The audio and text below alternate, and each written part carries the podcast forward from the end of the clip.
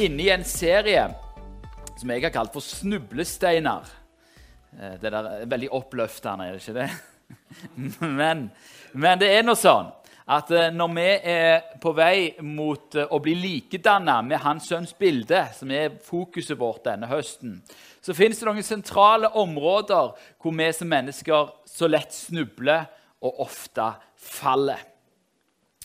Og I dag så skal vi se på de lystbetonte begrepene makt og ære. Makt og ære. Eh, Vi skal se litt hva det er for noe. Eh, Som penger så er òg de tingene som handler om makt og ære, det er naturlige og en helt sentrale del av livene våre. Alle her inne utøver en eller annen form for makt. Enten formell makt eller uformell makt. I alle familier, bedrifter, foreninger og menigheter så fins det maktstrukturer der makt blir utøvd. Alle sammen søker òg ære. Hva er ære? Det er litt sånn diffust for oss nordmenn hva det er. Men det handler om anerkjennelse dypest sett. Vi søker ære og anerkjennelse for den vi er, og for det vi gjør. Og I dag skal vi utforske hva makt og ære er, og hvordan de ofte blir snublesteiner i vår vandring med Jesus. Så da skal vi begynne med det første ordet makt. Og I det norske samfunnet så er ordet makt et ganske belasta ord. Vi, vi, vi har fått det inn med morsmelka at makt det er en litt sånn stygg greie. Vi liker, i, vi liker ikke ordet i det norske samfunnet. Det gir assosiasjoner til tyranni og, og, og hersketeknikker og sånne ting. Men makt i seg sjøl er ikke noe ondt. Vi kaller tross alt Gud for Gud den allmektige. Makt betyr ganske enkelt noe du har innflytelse over. Som pastor her i denne menigheten så har jeg makt. Jeg har formell makt. Og med formell makt så har jeg òg autoritet og ansvar.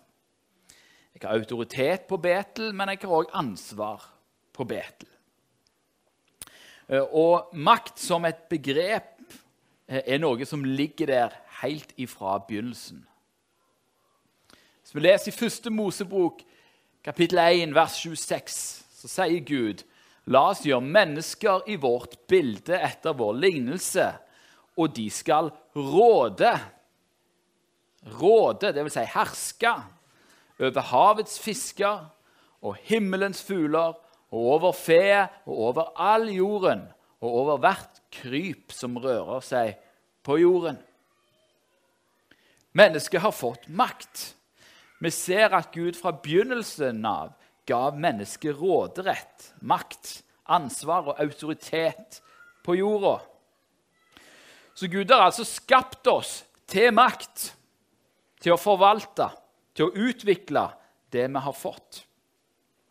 Så utøvelsen av makt er faktisk helt sentral i det som vi er som mennesker. Når den makten som Gud ga mennesket i Edens hage, det var et forvalteransvar. Vi fikk autoritet og ansvar over jorda og alle dyr. Og I dette forvalteransvaret så lå det en enorme frihet til å bruke vår kreativitet og våre evner. Av Gud så hadde vi fått retten til å forvalte. Men det var et men. Jorda hørte i siste instans ikke til oss, men til Gud. Som det står i 5. Mosebok 10, 14. Se, himlenes himler, jorden og alt det som er på den, hører Herren din Gud til. Alt tilhører Han. Men vi som mennesker har blitt gitt av Gud autoritet og makt til å forvalte jorda og alt som er her, på vegne av ham. Du kan se på det litt som å leie en bolig med veldig vide fullmakter. Sant? Eller leie en, leie en tomt, som du vil. Og Så kan du bygge og gjøre hva du vil på den tomta, men tomta tilhører ikke til syvende og sist deg. Du forvalter dette på vegne av noen andre.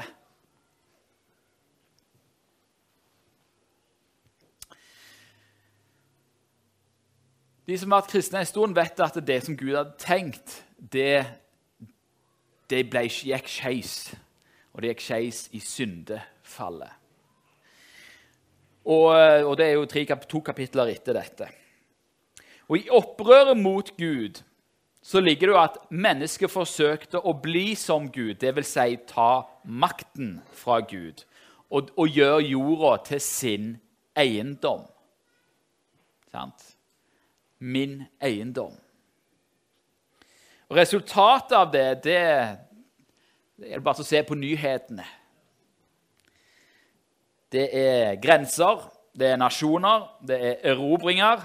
Det er evige konkurranse om makten. Stadige og kontinuerlige maktkamper. Og dette, Disse maktkampene de finner sted på internasjonalt nivå, mellom stater eller allianser til og med. De finner sted mellom bedrifter, de finner sted i politikken. De finner sted innad i de politiske partiene, innad i bedriftene. Og Dessverre så må vi jo si at av og til så finner det òg sted konkurranse mellom kirker og innad i kirker. Det er det som skjer når makta som Gud hadde gitt, den var delegert ovenifra. Makta gikk fra å, være, fra å, være, delegert av Gud til å bli tilegnet gjennom erobring. Det er en ganske stor forskjell. Delegert makt og erobra makt. For den, den delegerte, den er gitt deg. Mens når du tilegner deg makt, så tar du. Da river du til deg. Men som sagt, det er jo ikke ondt i seg sjøl å ha makt eller innflytelse. Det er faktisk ikke ondt å ville ha innflytelse heller. Det er en essensiell del av oss. Det står faktisk i Bibelen at det er det. Første Timoteus brev, kapittel 3,1, så står det at det er et troverdig ord. Om noen, vil, om noen gjerne vil ha et tilsynsembete, så er det en god gjerning han har lyst til. Og Tilsynsembetet det, det er Hvis noen vil være pastor, er det egentlig det står, så er det en god gjerning han har lyst til. Så det, det er ikke galt å ville ha innflytelse. Det er ikke galt til å ville ha makt. Det er faktisk avgjørende for livet at vi får lov til å ta, ta avgjørelser.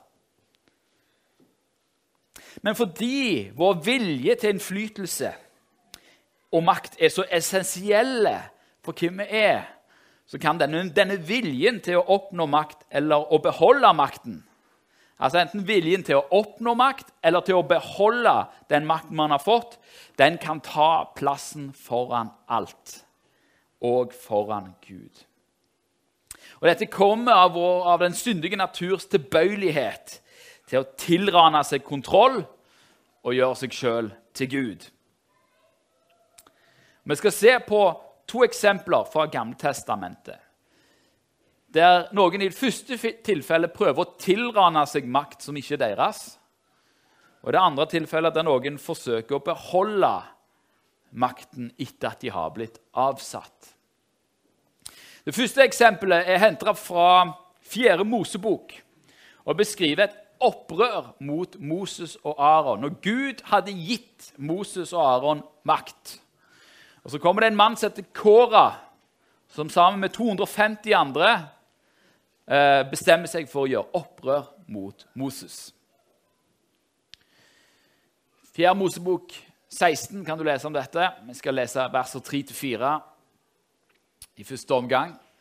De flokka seg sammen mot Moses og Aron og sa til dem, 'Nå får det være nok.'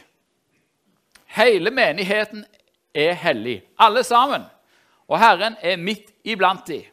Hvorfor skal da dere opphøye dere over Herrens menighet? Da Moses hørte disse ordene, falt han på sitt ansikt. Nå, hva var det som var Kåra sitt problem? Jo, han mente at eh, Moses hadde tilrana seg plassen som Israels leder, når det var Gud som hadde gitt han plassen. Og fordi han mente det, da, så mente han at han hadde rett til å gå og få han fjerna.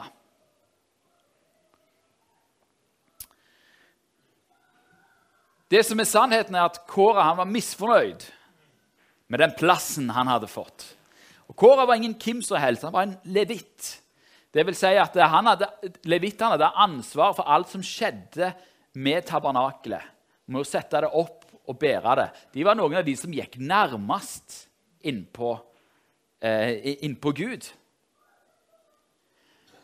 Men de, de, hadde ikke prestedømme. De utførte ikke ofrene, for det var det Aron og hans sønner som gjorde.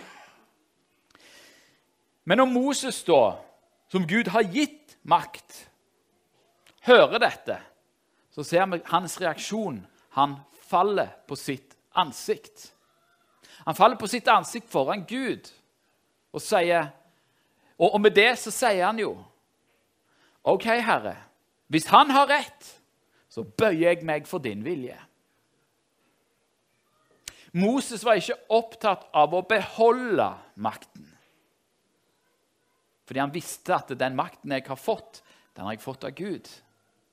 Derfor kan Gud hva tid som helst avsette meg hvis han finner det for godt. Moses søkte ikke makten for maktens skyld, men han hadde blitt betrodd en makt.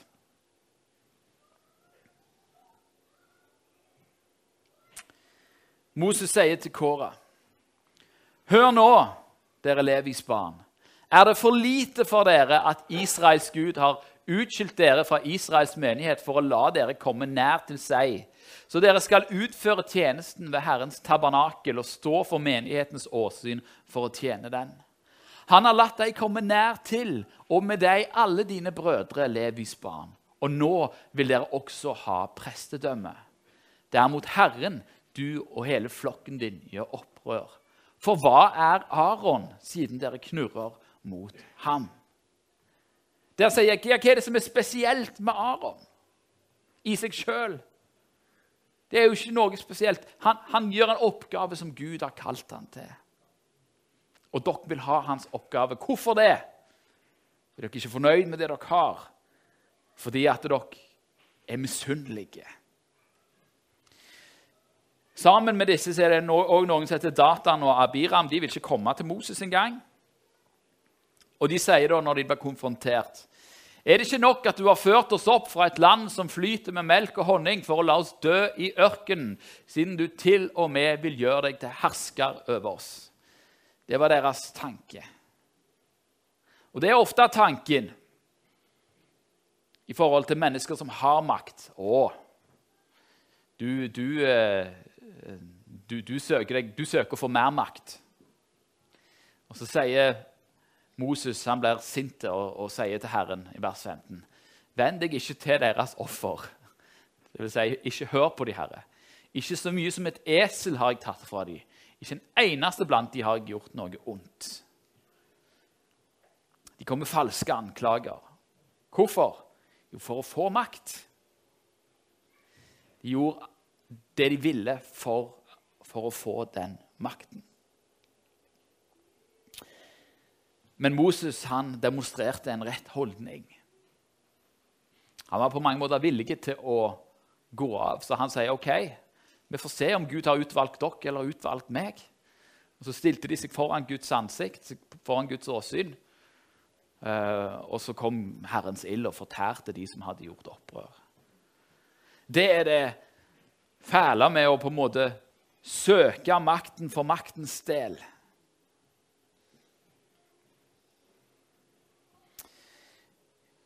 Annet tilfelle fra Gammeltestamentet finner vi i 1. Samuels bok. Det handler om kong Saul. Kong Saul han har ikke, han har ikke utført sin maktsposisjon i henhold til Guds ord. Så Gud bestemmer seg for å avsette kong Saul. Men kong Saul han ønsker å tviholde på den makten. Han ønsker å gi den videre til sin sønn. Eh, og når, når, David, som han vet har blitt salva til å bli den neste kongen, ikke kommer til middag, så blir han rasende på sønnen sin Jonathan. Så sier han, vers 20, 30-31 Da ble Sauls vrede opptent mot Jonathan, og han sa til ham, Du sønn av en dårlig og gjenstridig kvinne. Altså Han skjelte egentlig ut sin egen kone. Vet jeg ikke at du har Isais sønn skjær til skam for deg selv og for din mor som fødte deg? Så lenge Isais sønn er til på jorden, er verken du eller din kongemakt trygg. Send derfor bud og hent ham hit til meg, for han er dødsens. Det var Sauls reaksjon. Han ville beholde sin makt for alt det var verdt, og var villig til å ta liv for å beholde makta.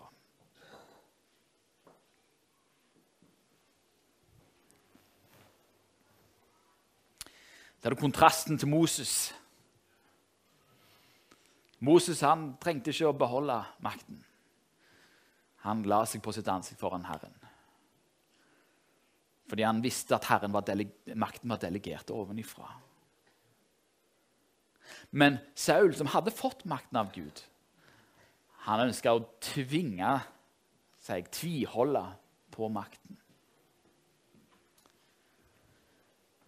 Men hans motstander David han er av et annet sinn. Og Et par kapitler seinere har David hatt sjansen til å ta makten med å ta livet av Saul. Men så gjør han det ikke. Og Så sier han i 1. Samuels bok kapittel 24, vers 13 og 14. Herren skal dømme mellom meg og deg, og Herren skal hevne meg på deg. Men min hånd skal ikke ramme deg. Det er som det gamle ordspråket sier. Fra ugudelige kommer ugudelighet. Men min hånd skal ikke ramme deg. David han ble salva til konge når han var en liten gutt. Og i flere, altså flere tiår, kanskje, så lever han under en annens kongedømme. Gud har sagt at han skal bli konge. Men så ser du at David prøver ikke egentlig å samle en, en, eh, en hær og skape et opprør. Han, han, samler jo en liten gjeng rundt seg, men han er jo stadig på flukt. Og han er ikke ute etter kong Saul. Han rømmer for kong Saul, men, men han er ikke ute etter å ta ham. Ok, Forskjellen her, da jo, David stolte på Gud. Hvis Gud har sagt at jeg skal bli konge, ja, da er Gud i stand til å gjøre meg til konge. Sant?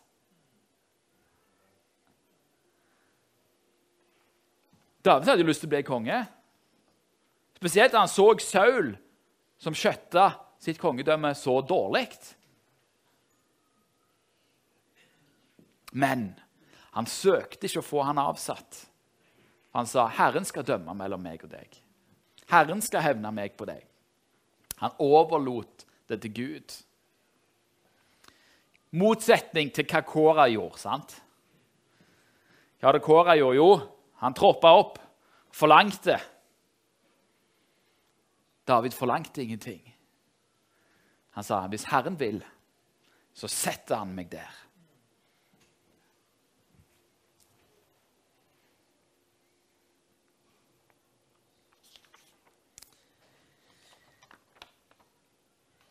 Du eh, har jo makt, og kanskje har du lyst på mer innflytelse òg. Hvordan identifiserer du da om dette her er sunt eller usunt? så kan du ha disse historiene lite grann. Søker du å fjerne din motstander? Eller stoler du på at hvis, hvis det skal skje, så setter Gud meg der? Søker du å tilrane deg den innflytelsen, eller søker du Gud for at han skal sette deg der? En annen spørsmål er hvorfor vil du ha den innflytelsen? Hvorfor vil du ha makt? Handler det om deg, eller handler det om noe annet? Jeg tenker på sånne som Martin Luther King, som hadde en enorm innflytelse, en enorm makt. Men han søkte, og han søkte jo makten, men ikke for sin egen skyld.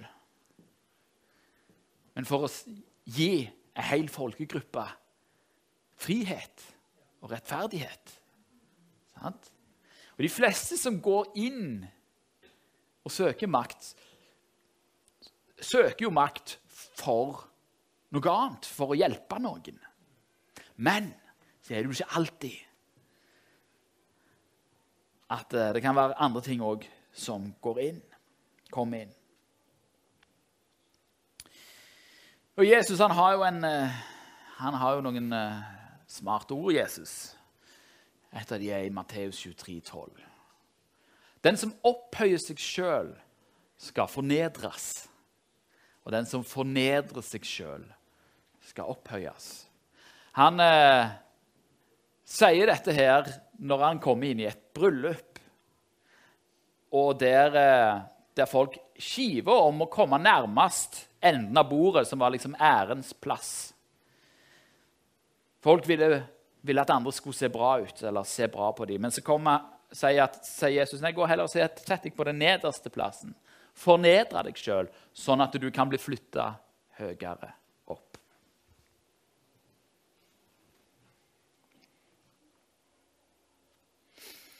Så er det jo sånn at denne viljen til makt og til å bestemme det er jo ikke nødvendigvis fordi vi er kontrollfriker eller har lyst til å bestemme så mye. Det er ikke alltid der det ligger. Det handler kanskje ikke om makten i seg sjøl, men om hva makten kan gi deg. Med makt så fører det ofte penger med seg. Eller med makt så kan det komme eh, forlystelser, muligheter. Eller kanskje Og der kommer vi inn på det, den andre tingen, som da er ære. Sant?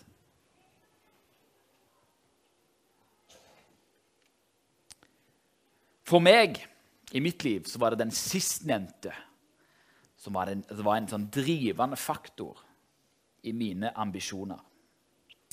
For I likhet med og nært forbundet med makt så er ære, vår lengsel etter ære og anerkjennelse, det er en helt sentral del av våre liv. Er jeg verdt noe? er et spørsmål vi stiller oss.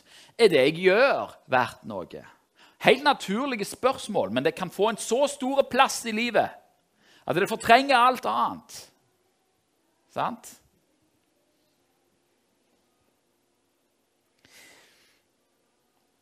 Når jeg var altså Fra jeg var 15 til jeg var 30, sånn ca. 15 år, så var jeg drevet av mine egne ambisjoner. Jeg hadde lyst til å gjøre noe, jeg hadde lyst til å bli noe. På mange måter naturlig, men det et det var, det, det var, et litt sånn sykt element der, og det handla om anerkjennelse. Det handla om at jeg trengte å bevise at jeg var verdt noe. Og det, dette kom av at jeg hadde vært mobbeoffer. Sånn akkurat når puberteten slo inn. Så jeg hadde et stort behov for å bevise for meg sjøl, for andre og for Gud at jeg var verdt noe. At jeg kunne noe. Og så har jeg masse talenter. Jeg kan skrive, jeg kan snakke, jeg kan spille. Jeg hadde lyst å gjøre noe stort. Jeg hadde lyst til å bli noe stort. Så jeg kom til Gud med bønnen. Herre, dette er ikke tull. Dette er ikke tull. Jeg ba dette. Herre, hvilken av disse tre arenaene vil du at jeg skal gå? Vil du at jeg skal bli en stor forkynner? En stor forfatter? Eller en stor musiker? Uansett hva det ville være, så måtte det være stort.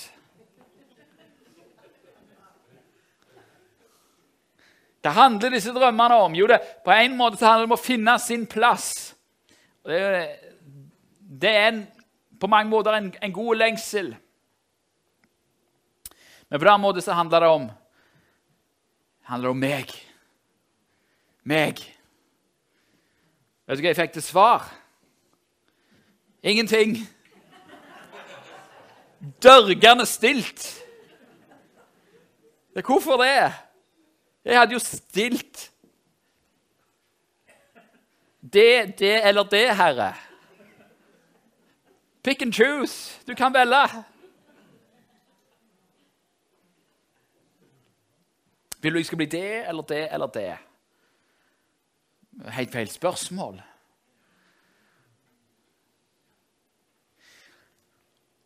Og De få gangene jeg, jeg vågte å spørre ja, men herre, hva vil du at jeg skal gjøre, da? Så fikk jeg bare det dumme svaret som jeg syns. Jeg vil at du skal være med meg. Jeg vil at du skal være med meg. Ja, men hva skal jeg gjøre? Jeg vil at du skal være med meg, Thomas. Jeg vil at du skal være med meg. Og Så begynte Men jeg, jeg, insisterte jo på å prøve å gjøre ting. sant? Jeg var jo flink på skolen. og sånne ting. Jeg fikk masse gode karakterer. og Det hadde jeg satt deg min ære i. Så jeg skrev opp på Når jeg skrev masteroppgaven min, så står det 'Legg ditt verk i Herrens hender, og det skal lykkes for deg'. Det står i Bibelen til og med. Jeg tror ikke jeg har referert det her tidligere. Og så Når jeg da får se på masteroppgaven, jeg som bare hadde fått A og B A er liksom best, da. Så fikk jeg en C. Det var et slag i ansiktet. Og Så konfronterer jeg Gud med dette. Det står jo i ditt ord. Hva er dette her, da? Så sier han til meg, 'Vil du være konge i denne verden?' Eller vil du være konge i min verden? Vil du ha ære i denne verden, eller vil du ha min ære? Jeg prøvde å skrive ei bok, og jeg prøvde å lage Jeg har lagd et musikkalbum òg. Er det noen her som har hørt den? Nei, for det tok ikke helt av. Nei. Jeg syns det er veldig bra fremdeles. Eh, og, og, så eh, har jeg prøvd å skrive ei bok. Gikk ikke det heller. Og til slutt, da, når på en måte alle disse drømmene og ambisjonene har blitt knust én etter én Det var ganske hardt. da. 'Herre, hvorfor uh, sa du ikke noe?' 'Nei, jeg vil jo ikke høre.' Sant? Og Hvis du stanger hodet i veggen mange nok ganger, så skjønner du det kanskje til slutt. da. Så kommer du til slutten av deg sjøl. spurte jeg Her jeg, jeg, jeg, klarer ikke å styre mitt eget liv, jeg. Hva vil du at jeg skal gjøre? Sånn helt alvorlig. Nå ja, satt jeg på Jeg hadde en date med meg sjøl på en restaurant i Stavanger. Det er ganske trist, egentlig. Men av og til så må du ta en date med Gud. Og jeg ba denne bønnen. OK, Herre, nå jeg ønsker bare å gjøre det du vil at jeg skal gjøre. Hva vil du at jeg skal gjøre? Så ringer telefonen før jeg er ferdig med måltidet. Og så får jeg jobbtilbud. Og OK, da skal jeg gjøre det i denne gangen. Og det begynte I de neste åra der så, så, begynte på en måte Gud å ta oppgjør med hele denne her ambisjonstanken min. Han banka det inn i hodet mitt og inn i hjertet mitt at det eneste jeg vil, den eneste ambisjonen jeg har, det er å gjøre hva enn du vil at jeg skal gjøre. Det er det som er viktig. Det er det som er viktig. For det, Når du skal jage etter dine egne ambisjoner Du blir så stressa av det. Det er så store byrder å bære når det blir så viktig. Og når jeg ba i vår så ba jeg, Herre Hva vil du jeg skal gjøre nå? For ting går Ja. Jeg, jeg gjør hva som helst, sa jeg da. Jeg gjør til og med det jeg ikke vil gjøre, vil jeg gjøre hvis du vil at jeg skal gjøre det. Så ringer telefonen igjen. Det er Magnus Nebdal. Hei. Tenkte, han tenkte å, han vil at jeg skal komme og tale på Betel. Vil du være pastor på Betel et år? Jeg fikk denne jobben ikke Jeg hadde aldri ambisjon om å stå her og være deres pastor. Jeg hadde ambisjon om å gjøre hans vilje. Om å gjøre hans vilje. Og, og da, da, er det, da er det trygt å stå her. For det handler ikke om meg. Det handler om han. Og, og det, det, er en sånn Jeg har en sånn liksom, Det er en befriende tanke òg. For jeg vet at ja, hvis jeg messer ting opp, da, og ikke får, ja, ok, men da avsetter Gud meg. Sant? Men det handler ikke om meg. Det handler om han. Det handler om han. Amen. Jeg har blitt delegert denne jobben av Magnus, av Gud og av dere. Og Så lenge jeg har deres tillit, så har jeg denne jobben. Sant? Den dagen jeg tuller det til, så blir jeg avsatt. Og Da det, håper jeg at jeg kan si ja, ok, det er greit. Eller når Gud sier at nå, nå er tiden inne til å dra videre, så drar jeg videre. Så tenker du med deg sjøl nå når du har hørt denne talen Det er jammen godt at jeg ikke er sånn som deg, Thomas. Som har masse ambisjoner om å bevise ting for meg sjøl. Jeg har ingen ambisjoner. Jeg er fornøyd med der jeg er.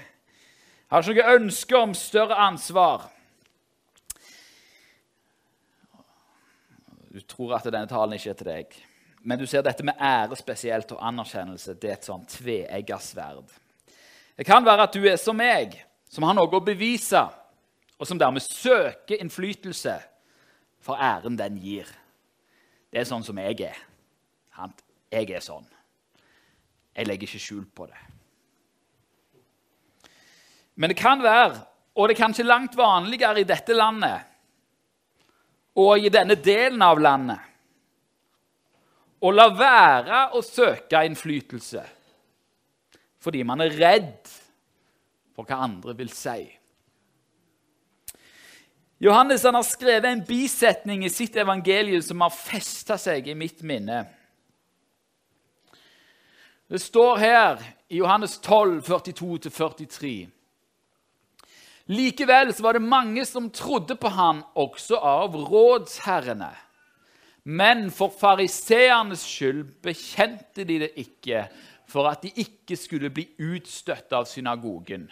Og Det å være utstøtt av synagogen var en ganske alvorlig greie. Det betyr at du ble en outcast, en, eh, en fredløs i samfunnet. Du ble, du, ja, ingen kunne handle med deg og sånne ting. Så det var en ganske stor greie å ble utstøtt av synagogen. Så, så man skulle tro at eh, apostelen Johannes ville være litt milde med de som gjorde det. Men bisetningen kommer her, for de ville heller ha ære av mennesker enn ære av Gud. Ser dere at det er akkurat det samme? Jeg søker innflytelse for å få ære, eller jeg søker ikke innflytelse for å ikke miste ære. Fellestrekket er at man vil ha ære og anerkjennelse av mennesker, og ikke ære av Gud. Det kan være at det fins mennesker her inne som Gud har kalt spesielt til å gjøre ting for ham. Og så er du redd, og så våger du ikke. Og Da er det tid til spørsmålet hvorfor våger jeg ikke, hvis du vet at det er Gud som har sagt det. Da Vil du heller ha ære av mennesker, eller vil du ha ære av Gud? Det å være en kristen det er en offentlig handling. Hvis ikke de på jobben vet at du er kristen, Da vil du heller ha ære av mennesker enn av Gud. Jeg tok meg sjøl i det, for jeg er ikke bedre enn dere der, jeg heller. Jeg, jeg, jobbet på en skole og var nokså ny der. og sånne ting. Og så kom inn på, sa jeg at ja, jeg, det var rett før jeg hadde, skulle gifte meg med Anne. Eh, så han spurte meg om bor du sammen med, bor du sammen med kjæresten din eller med forloveden. Da kunne jo jeg ha sagt Det jeg skulle ha sagt, var Nei, jeg er kristen. Men jeg tror ikke på det. Eh, jeg tror ikke på å leve sammen før vi er gift. Glitrende mulighet til å formidle evangeliet. Eller bare formidle at jeg er kristen. Vet du hva jeg, du hva jeg presterte å si? Nei, du ser, jeg, jeg er litt sånn tradisjonell på det området.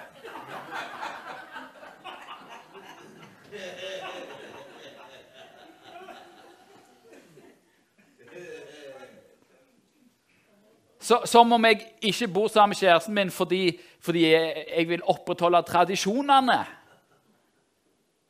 Det var en løgn. Jeg løy. Jeg fortalte ikke sannheten. For så viktig er ikke tradisjonene for meg.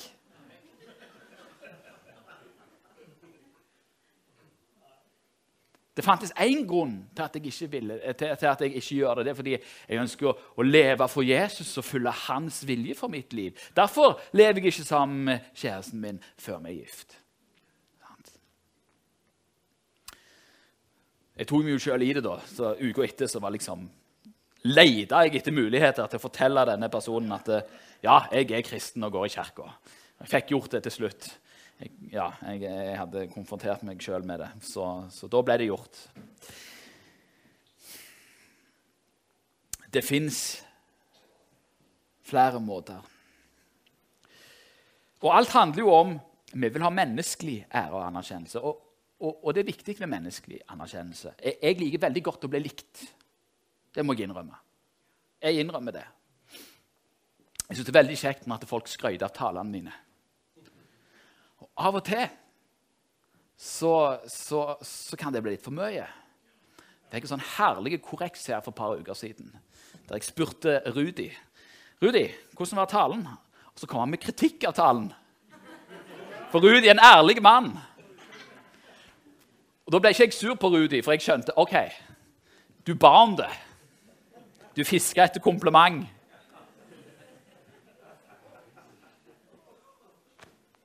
Så fikk jeg et ærlig svar.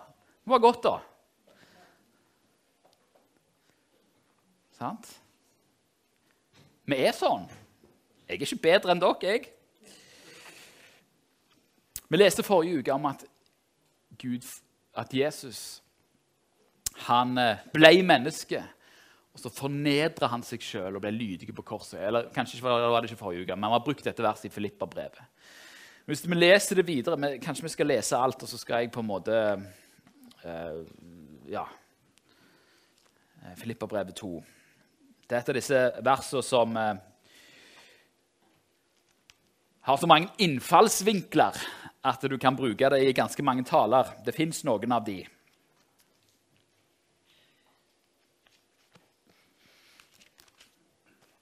Vi kan lese fra vers 5, men jeg har vers 9 til til 11 her oppe.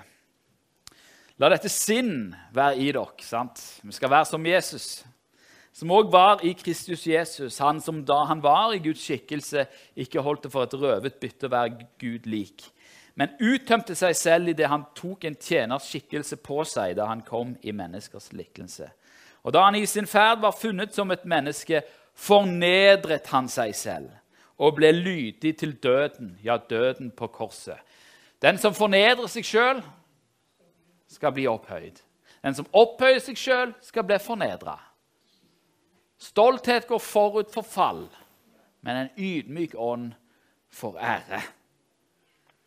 Men derfor, fordi han fornedra seg sjøl, derfor har òg Gud høyt opphøyet ham og gitt ham det navnet som er over alle navn. For at i Jesu navn skal hvert kne bøye seg, dere som er i himmelen og på jorden og under jorden. Og hver tunge skal bekjenne at Jesus Kristus er Herre, til Gud Faders ære. og i Efeserbrevet 1, 17-19, så handler det òg om på en måte å forstå noen ting om Guds makt og ære. Fordi jeg trenger ikke makt og ære når Gud har makt og ære. Men fordi jeg er Guds barn, så har jeg fått makt og ære av ham. Det er Paulus sin bønn. Jeg ber om at vår Herre Jesu Kristi ord, Herlighetens Far, må gi dere visdoms- og åpenbaringsånd til kunnskap om seg, og gi deres hjerter opplyste øyne, så dere kan forstå hvilket håp han har kalt dere til. Hvor rik på herlighet hans arv er blant de hellige, og hvor overveldende stor hans makt er for oss som tror etter virksomheten av hans veldige kraft. Men ingenting er umulig for Gud. Og vi kan få gå i hans makt. I hans makt. Den er for oss.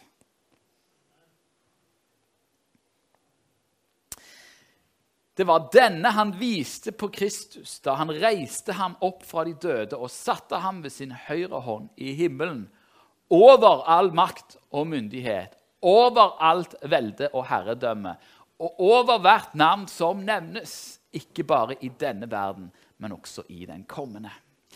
Du vet, hva er, hva er det med Det blir litt som eh, monopolreferansen min i forrige, forrige uke.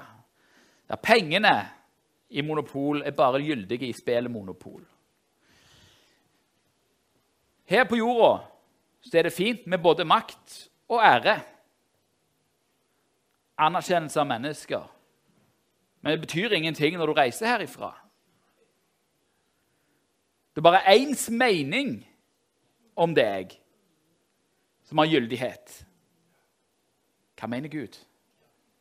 Hva mener Gud om deg? Sant? Vil du heller være ære av mennesker enn av Gud? Det kan være at du får begge deler, men hva er viktigst?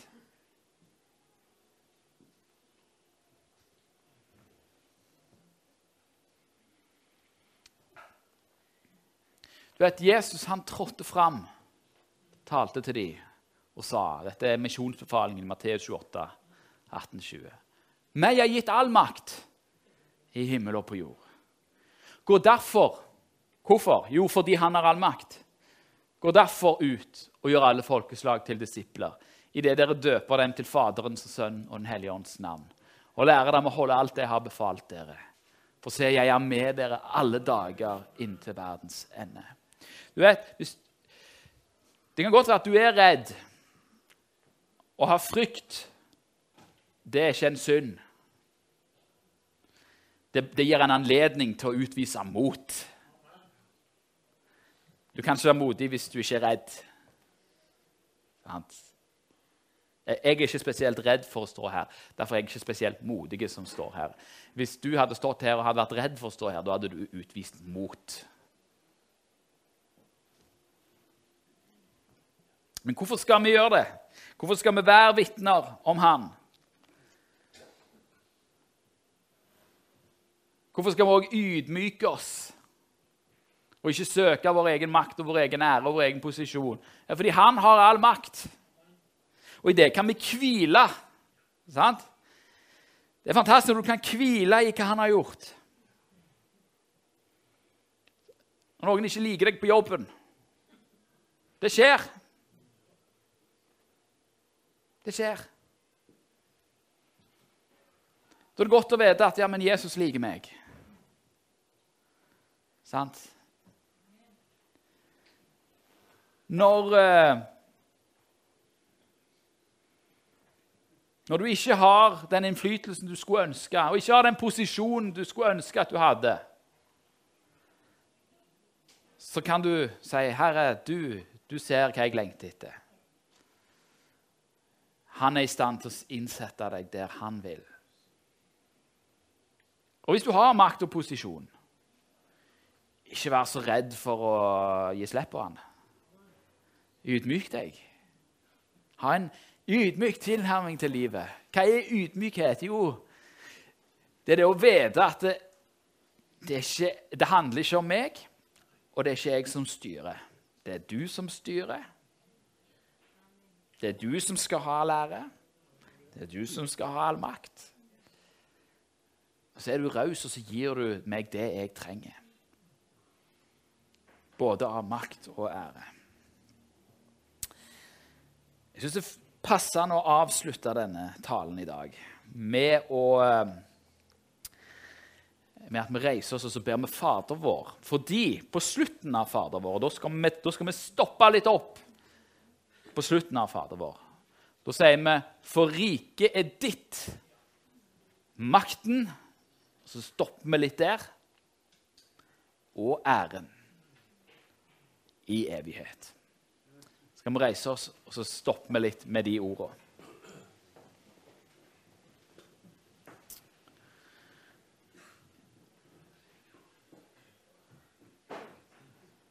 Fader vår, du som er i himmelen. La ditt navn holdes hellig. La ditt rike komme. La din vilje skje på jorden som i himmelen. Gi oss i dag vårt daglige brød, og forlat oss vår skyld, som vi òg forlater våre skyldnere. Led oss ikke inn i fristelse, men frels oss fra det onde. For riket er ditt, og makten Bare hold. Og så tenker du Så overgir du din makt til han. Og din lengsel etter innflytelse òg til ham. Og så fortsetter vi. Og æren. Så tenker du på den æren som du vil ha de rundt deg, men ultimat til Han. La Hans ære være viktigst. Og så fortsetter vi i evighet. Amen.